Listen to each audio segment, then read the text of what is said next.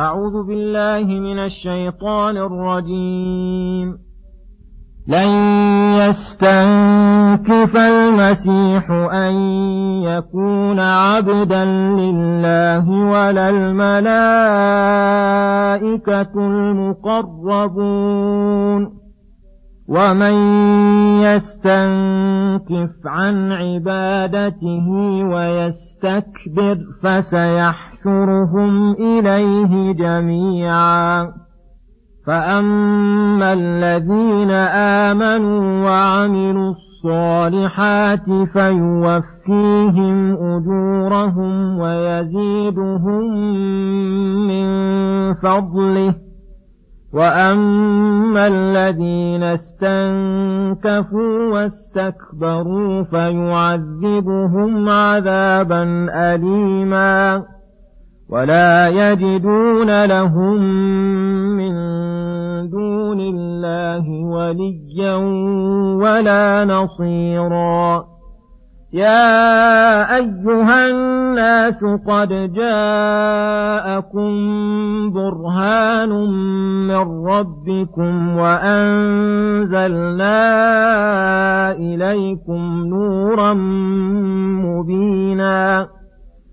فأما الذين آمنوا بالله واعتصموا به فسيدخلهم في رحمة منه وفضل ويهديهم إليه صراطا مستقيما يستفتونك قل الله يفتيكم في الكلاله إن امرؤ هلك ليس له ولد وله أخت فلها نصف ما ترك وهو يرثها إن لم يكن لها ولد فإن كانت اثنتين فلهما الثلثان مما ترك وإن كانوا إخوة رجالا ونساء فللذكر مثل حظ الأنثيين يبين الله لكم أن تضلوا والله بكل شيء عليم بسم الله الرحمن الرحيم السلام عليكم ورحمة الله وبركاته. يقول الله سبحانه لن يستنكف المسيح أن يكون عبدا لله ولا الملائكة المقربون الآيات. لما ذكر تعالى غلو النصارى في عيسى عليه السلام فذكر أنه عبده ورسوله. ذكر هنا أنه لا يستنكف عن عبادة ربه أي لا يمتنع عنها رغبة عنها لا هو ولا الملائكة المقربون. تنزههم عن استنكاف وتنزيه عن استكبار من باب أولى. ونفي الشيء فيه إثبات ضده. أي فعيسى والملائكة المقربون قد رغبوا في عبادة ربهم وأحبوها وسعوا فيها بما يليق بأحوالهم فأوجب لهم ذلك الشرف العظيم والفوز العظيم. فلم يستنكفوا أن يكونوا عبيدا لربوبيته ولا لإلهيته بل يرون افتقارهم ذلك فوق كل افتقار.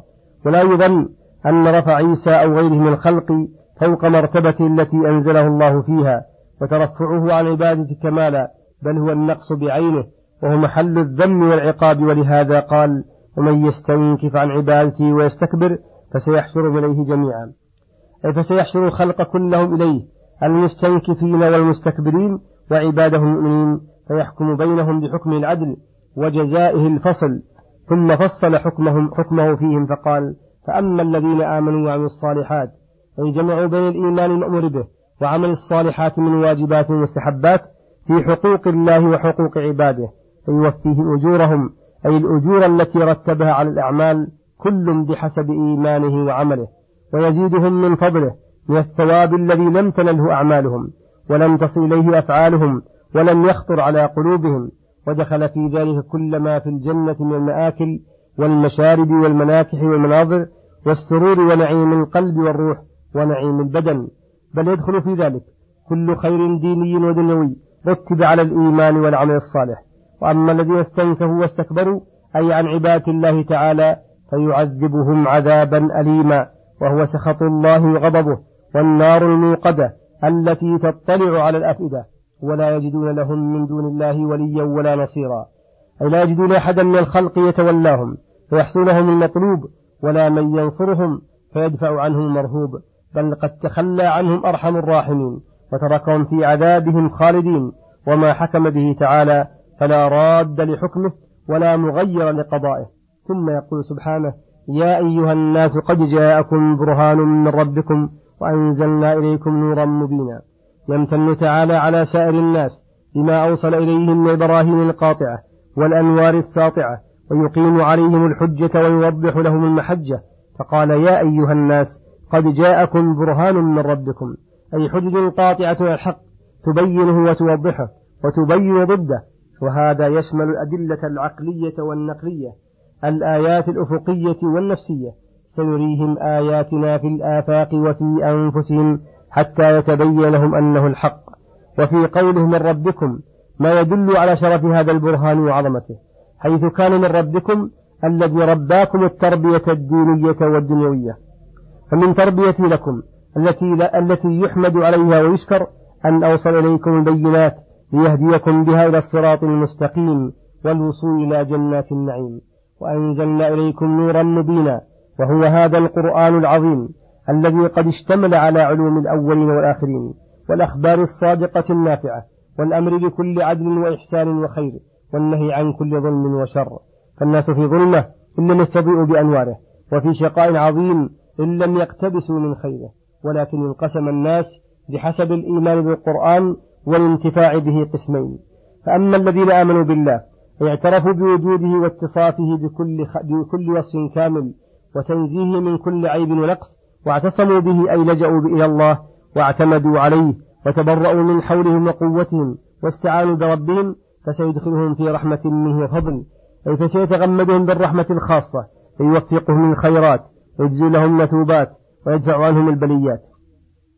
ويهديهم صراطا مستقيما أن يوفقهم, يوفقهم للعلم والعمل ومعرفة الحق والعمل به. أي ومن لم يؤمن بالله ويعتصم به ويتمسك بكتابه منعهم من رحمته وحرمهم من فضله وخلى بينهم بين أنفسهم فلم يهتدوا بل ضلوا ضلالا مبينا. عقوبة لهم على تركهم الإيمان حصلت لهم الخيبة الخسران. نسأل الله تعالى العفو والعافية والمعافاة.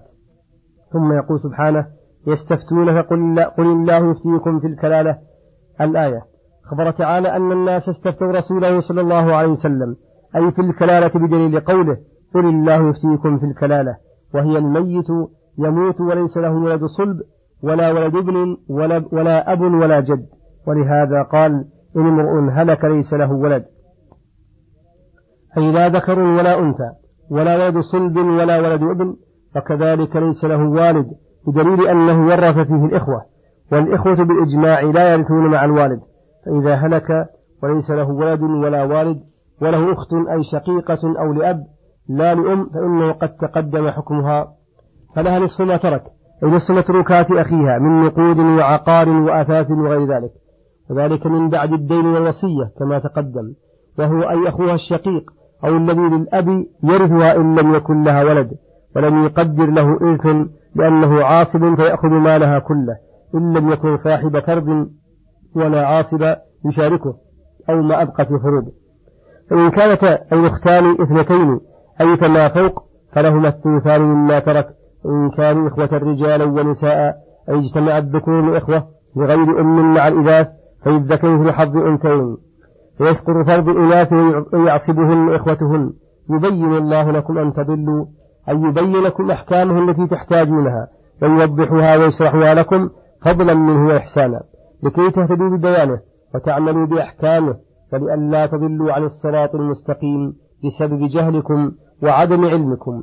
والله بكل شيء عليم أي عالم بالغيب والشهادة والأمور الماضية والمستقبلة ويعلم حاجتكم إلى بيانه وتعليمه فيعلمكم من علمه الذي ينفعكم على الدوام في جميع الأزمنة والأمكنة.